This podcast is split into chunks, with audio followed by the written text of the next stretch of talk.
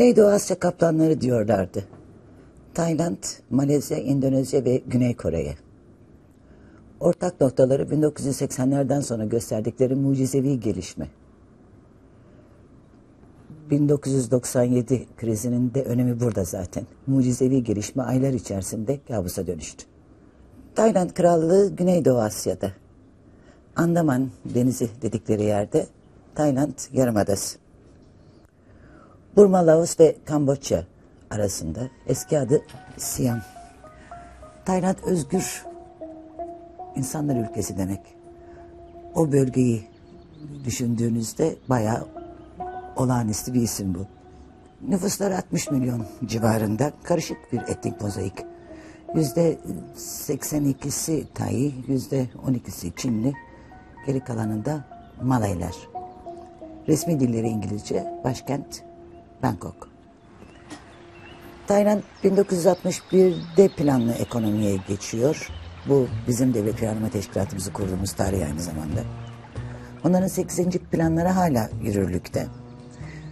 Tarım gayri safi milli hasılarının %11'ini teşkil ediyor.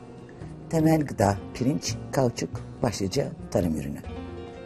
Bir diğer Asya kaplanı Malezya. Çin Hindi ya da Malay Yarımadası'nın tümüyle Borneo e, adasının e, kuzey sahili boyunca uzanan Sabah ve Sarawak'ın oluşturduğu bir federasyon. Resmi dini İslam Malezya'nın ancak e, Malez, e, Malezya halkı bu e, mozaik dediğimiz e, etnik yapılanmanın tam bir ders kitabı örneği. E, çünkü Malaylar var, bunlarda da Çinliler var, Hintli Pakistanlı asıllılar var. Daha başka kabileler de var. Çinliler örneğin e, Müslümanlığı kabul etmemişler. Hintliler de öyle. Ülke 1957 yılına kadar İngiliz sömürgesi. Zaten Malezya tarihi boyunca sömürgelilerden kurtulamamış, sömürgecilerden kurtulamamış.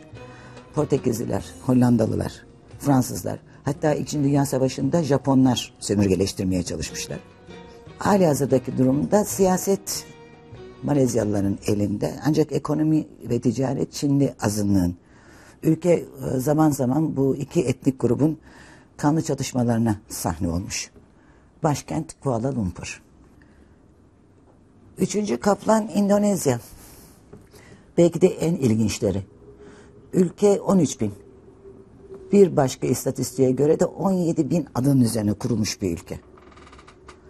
Adaların en büyükleri Sumatra, Kalimantan, Sulawesi, Irian Java ve Java. Endonezyalılar tarihlerini İsa'dan sonra 100. yıla kadar sürüyorlar. O yıllarda Hintli kralların istilasına uğramışlar. Ee, Hinduizm yerleşmiş. Ülkedeki beş büyük dinden bir tanesi. Arkasından e, İsa'dan sonra yine 500 civarında Budizm gelmiş. Müslümanlığı kabul etmeleri 1297'de ee, ve e, Müslümanlığı yayanlar da o bölgede ticaret yapan Arap ticaret adamları. Sultan Melik Salih bugünkü Endonezya'nın ilk Müslüman lideri olarak biliniyor. Ee, bugün yine e, Endonezyalıların yüzde 85'i Müslüman. Şimdi Malezya gibi e, Endonezya'da başını Avrupalı sömürgecilerden kurtaramamış bir ülke. İlk gelenler Portekizliler. Katolikliği getiriyorlar. Ediyor üçüncü din. Arkadan Hollandalılar geliyor. Protestanlığı tanıtıyorlar. Ediyor dördüncü din. İngilizler 1600 yıllar, 1600'lü yıllarda oradalar.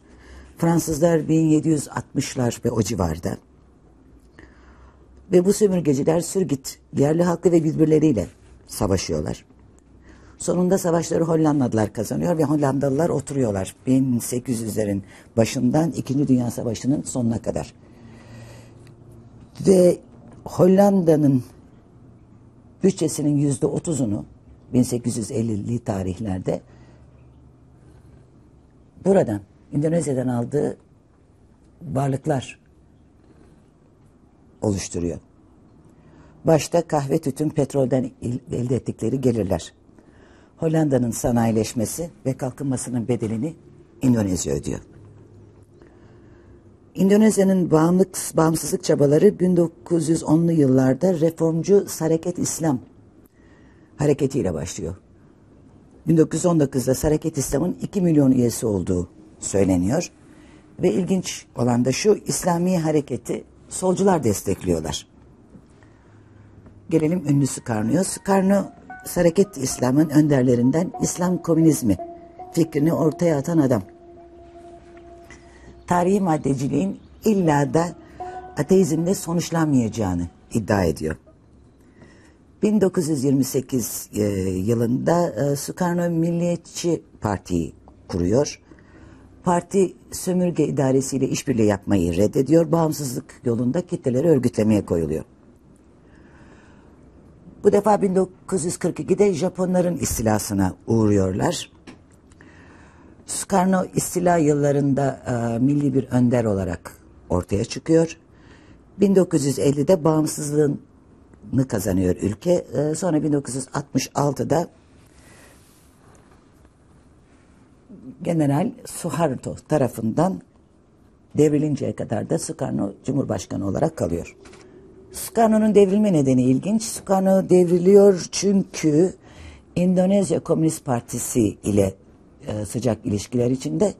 Endonezya Komünist Partisi'nin de o dönemde 6 milyon kayıtlı üyesi var ve yan kuruluşları ile beraber bu üye sayısı 9 milyona çıkıyor. Ki komünist olmayan bir ülkede bu kadar kalabalık bir komünist partisi de yok. Sukarno e, Mao ile işbirliği yapıyor ve 1964 yılına gelindiğinde Endonezya Komünist Partisi ülkeyi devralabilecek kadar güçlü görünüyor. Derken 1966'da e, başkent Jakarta'yı ele geçirecek şekilde ayaklanıyorlar. Ve bu arada antikomünistlikleriyle bilinen yedi general, yedi ünlü general öldürülüyor. Yedi ünlü generalden pardon altısı öldürülüyor. Bunlardan bir tanesi kaçıyor, öldürülmekten kurtuluyor. Onun adı da Suharto. Suharto arkadaşlarının intikamını e, derhal alıyor. E, bir komünist avı başlatıyor ve herkesin hemfikir olduğu bir e, konu var. E, hiç bu kadar sürekli ve kanlı bir komünist e, sürek avı dünyanın hiçbir yerinde görülmemiştir şeklinde. Yüz binlerce insan hayatını kaybediyor. Bir yıl kadar sonra Sukarnov başkanlıktan ayrılıyor. 1997 krizi patladığında iktidarda olan General Suharto. Dördüncü Asya kaplanı Kore. Güney Kore. Asya'nın kuzeydoğu köşesinde yaklaşık Büyük, Büyük Britanya kadar bir yarımada. Çok eski bir ülke. Buna karşın bir ulus olarak ortaya çıkması 1945'te. 1945 Amerika Birleşik Devletleri'nin ve Sovyetler Birliği'nin ülkeyi Kuzey ve Kore olmak üzere ikiye böldükleri yıl. Güney Kore 1948'de Demokratik Cumhuriyet oldu. Aynı yılda da Cumhurbaşkanını seçti. Harvard mezunu Sigmund Rhee. Rhee keyfi idaresiyle tanınan bir adam ee, ve başlıca amacı Kuzey Kore tarafından desteklenen solcu grupları bastırmak. Yıl 1950 Kuzey Kore Güney Kore'ye savaş açıyor ve neredeyse Güney Kore'yi haritadan silecek kadar güçlü bir savaş bu. Ama hep bildiğimiz gibi e, Kuzey Kore püskürtülüyor. Bunun üzerine Sigmund Rhee Ulusal Güvenlik Yasası adlı bir yasa çıkarıyor ve bu e, yasa marifetiyle siyasi sistemi, Güney Kore'nin siyasi sistemini fiili bir diktatörlüğe dönüştürüyor. Ancak e, bu dönüşüm kolay olmuyor. Seçimler e, hemen her zaman hileli. Ve 1960 yılında özellikle e, seçim hileleri ayan beyan ortaya çıkıyor ve kitleler gerçekten ayaklanıyorlar. Sigmund Rhee istifa etmek zorunda kalıyor. Yerine vekaleten e, Chen Myong'u bırakıyor. Bu vekalet eden Chen Myong da bir askeri darbe tarafından 3 ay sonra uzaklaştırılıyor.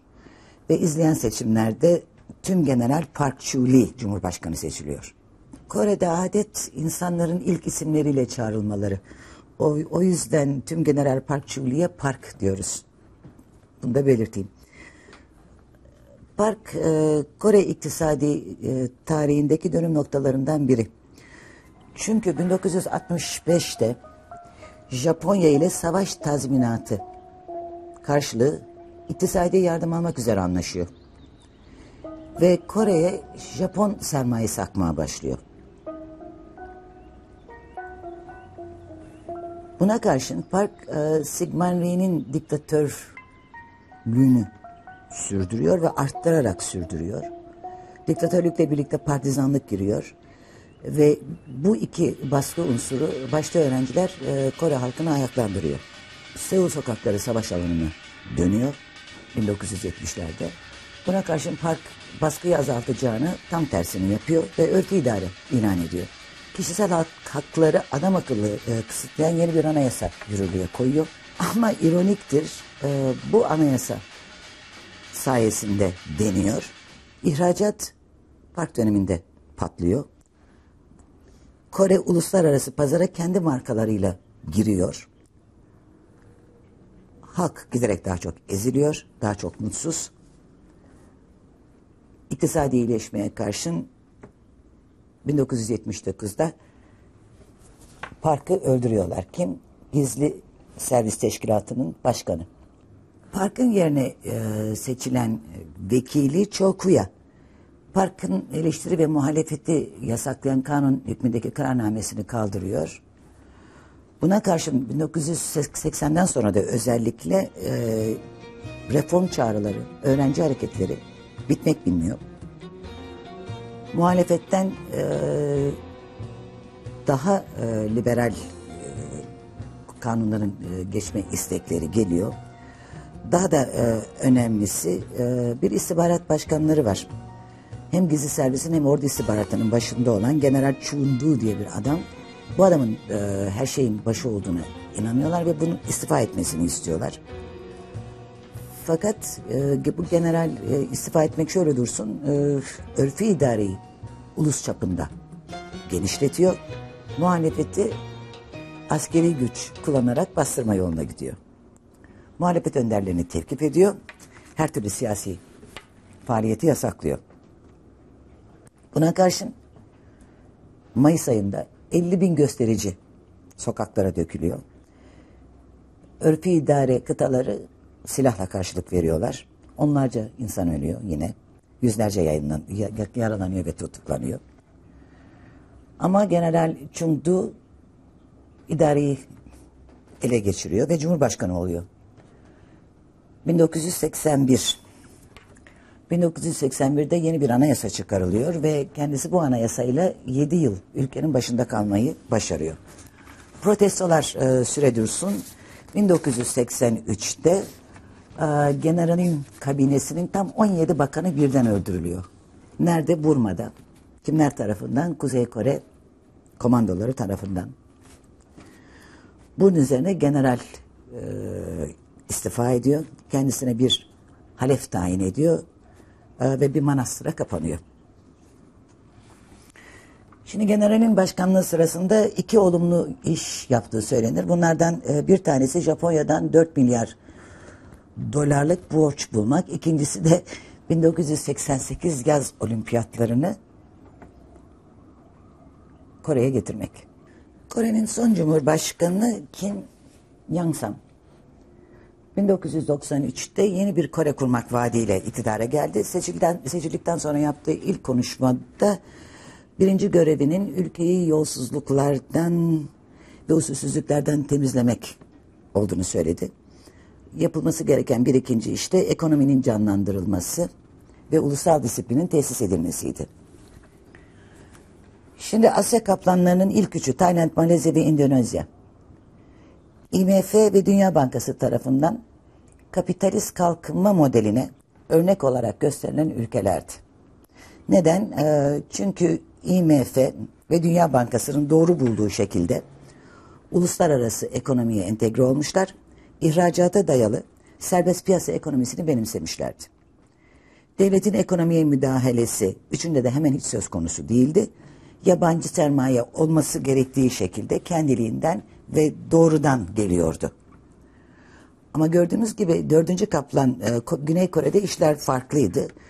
Güney Kore'de ekonomiyi devlet üstelik de baskıcı bir biçimde yönlendirmiş ve buna rağmen başarılı olmuştu. Kore'nin Güney Asya kaplanlarına katılmış olmasının IMF Dünya Bankası uzmanlarını ne diyeceklerini bilemez hale getirmiş olduğu söylenmektedir muhalifleri tarafından. IMF muhalifleri bundan başka 1997 Güney Asya krizinin IMF ve Dünya Bankası'nın revaç verdiği ihracata dayalı serbest piyasa ekonomisi modelinden kaynaklandığını iddia ederler. Krizin çözümü için aynı sakat yöntemlerde ısrar ediliyor olmasını da şiddetle karşı çıkarlar. Güney Asya krizinin başlıca sebeplerinden bir tanesi kapitalizmin laubalileşmesi ya da yolsuzluklar. Muhaliflerine göre IMF'nin her ne kadar kapitalizmin lauballeşmesi ve yolsuzluklar söz konusu idiyse de esas mesele bu değildi. Bu arada hemen söyleyeyim kapitalizmin lauballeşmesinden e, kasıt iş ahlakını hiçe sayan kapitalizmdir. IMF muhalifleri derler ki modelin bizzat kendisi irdelenmeden yapılacak IMF ve Dünya Bankası yardımlarının yabancı alacaklarının paralarını kurtarmaktan bir gayri bir faydası olmayacaktı bu ülkelere. Hatta ülke ekonomilerini eskisinden daha zayıf, ülke haklarını, halklarını daha yoksul bırakacaktı. Bugün buradan baktığımızda 1997 Güney Asya krizinin köklerinin 1980'li yılların ortalarına kadar uzandığını görüyoruz. Şimdi o yıllarda ihracatları petrol gibi, madenler gibi doğal kaynaklara dayanan ülkelerde sıkıntı içindeydiler. İhraç malları değer kaybediyordu. Ülkeler borçlarını ödemekte adam akıllı zorlanıyorlardı. Moratorium ilan etmek zorunda kalacaklarından korkan Tayland ve Endonezya daha o yıllarda IMF'ye başvurmuş yardım istemişlerdi. IMF'nin önerdiği reçeteyi uygulamaya çalışıyorlardı. Şimdi reçete e, yine muhaliflerden bahsedeceğim. Reçete muhaliflerin mutat IMF reçetesi dedikleri reçete. Nedir mutat IMF reçetmesi? Reçetesi özelleştirme, ticaret kurallarının ihracatın önünü açacak, yabancı sermayenin ülkeye doğrudan akmasını sağlayacak şekilde serbestleştirilmesi, dış borçların yenilenmesi ve tabii ki kemer sıkma. O zaman da önerilen reçete buydu. Fakat o yıllarda Güney Asya ülkelerinin IMF reçetesini uygulamalarına gerek kalmadı. Çünkü ilginç bir e, şey oldu. Onlar açısından ilginç. Amerika ve Japonya o yıllarda birbirlerine girmişlerdi. Sebep ucuz Japon malları, özellikle otomobilleri Amerikan pazarlarını bir zamandır işgal etmişlerdi. Ee, Amerikalılar bundan fevkalade rahatsızdılar ve Japonya'dan yenin değerini arttırmasını talep ettiler. Dumping'e son versin Japonya istiyorlardı. Japonya biraz direndi sonunda boyun eğmek zorunda kaldı ve yenin değerini arttırdı. Yıl 1985. Ancak e, baktılar ki e, karları tehlikeye giriyor. Bu sefer Japon ihracatçıları devleti arkalarına aldılar ve üretimlerini yabancı ülkelere naklettiler. Yani yabancı ülkelere doğrudan yap, yatırım yaptılar ve ürünlerini o ülkeden dünyaya ihraç etmeye koyuldular. Şimdi yatır, Japon yatırımlarının çoğu Amerika'ya ve Avrupa'ya gitti. Ama Güney Asya e, ülkeleri de bundan nasiplerini aldılar. Asgari 15 milyar dolarlık Japon yatırımı girdi Güney Asya ülkelerine. Öyle ki e, Tayland, Malezya ve Endonezya bir anda ekonomik sorunlarından ve IMF'nin mutat reçetesinden kurtulmuş oldular. Dahası bu ülkeler yine bir gece içinde e, sanayi mamulleri ihracatçıları konumuna geldiler. Üstelik Amerika Birleşik Devletleri'ne ihraç edebiliyorlardı. Bu arada Güney Kore ve Tayvan'da Japonya'nın izinden gittiler. Onlar da Güney Asya'da yatırım, doğrudan yatırım yapmaya başladılar. Böylece hummalı bir e, ekonomik faaliyet gelişti. Dıştan bakıldığında uluslararası piyasalarda rekabet edebilecek kalitede mal üretiyor ve satıyorlardı. Yoksulluk tümüyle ortadan kalkmamıştı ama azalıyordu. Orta sınıf büyüyordu. Ancak ancak ekonomide bir ancak vardır. Ancak ihracatı geliştirenler tümüyle yabancıların kontrolleri altında olan şirketlerdi. Örneğin 1980'li yılların sonunda Malezya'da bilgisayarlar ve benzeri elektronik eşyanın yüzde 99'unu yabancılar üretiyor ve satıyorlardı. Aynı rakam e, makina ve elektrikli eşya için yüzde 90'dı. Kauçuk mamulleri ihracatının yüzde sekseni yabancıların elindeydi. Tekstil ve hazır giyim ihracatının da yüzde yetmiş beşi. Şimdi e, ülke sanayinin yabancıların elinde olmasının ulusal gururun ötesinde ekonomik bir anlamı vardır. Şöyle ki 1992 Tayland mesela Amerika Birleşik Devletleri'ne sattığı sanayi ürünlerinden 2 milyar 900 milyon dolar bir ihracat fazlası sağlıyordu. Ama aynı Tayland Japonya ile yaptığı ticarette 8 milyar 300 milyon dolar eksideydi. Neden? Çünkü e, imalat için gerekli her şey Japonya'dan geliyordu. Aynı şekilde Malezya Amerika ile yaptığı ticaretten artısı 4 milyar 200 milyon dolardan fazlaydı. Buna karşın Japonya'dan aldığı mallar onu 5 milyar 800 milyon dolarlık bir açığa sevk ediyordu. Ülke ekonomileri büyüdükçe aradaki fark doğal olarak daha da arttı. Dış ticaret açıkları büyüdü. Malezya'nın dış ticaret açığı 1993'te yüzde 4.8 iken 1995'te neredeyse ikiye katlamıştı. Yüzde 8.5. Keza Tayland. Tayland'da dış ticaret yüzde 5.9'dan yüzde 8.1'e kadar çıktı. Ne oldu? Asya kaplanlarının hükümetleri kendilerini bir kez daha dış ticaret açıklarını kapatmak için uğraşır buldular.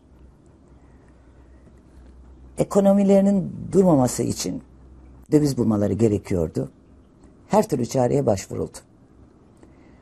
Ne yazık ki buna Tayland hükümetinin döviz karşılığı seks ticaretini açıkça ve şiddetle desteklemesi dahildir.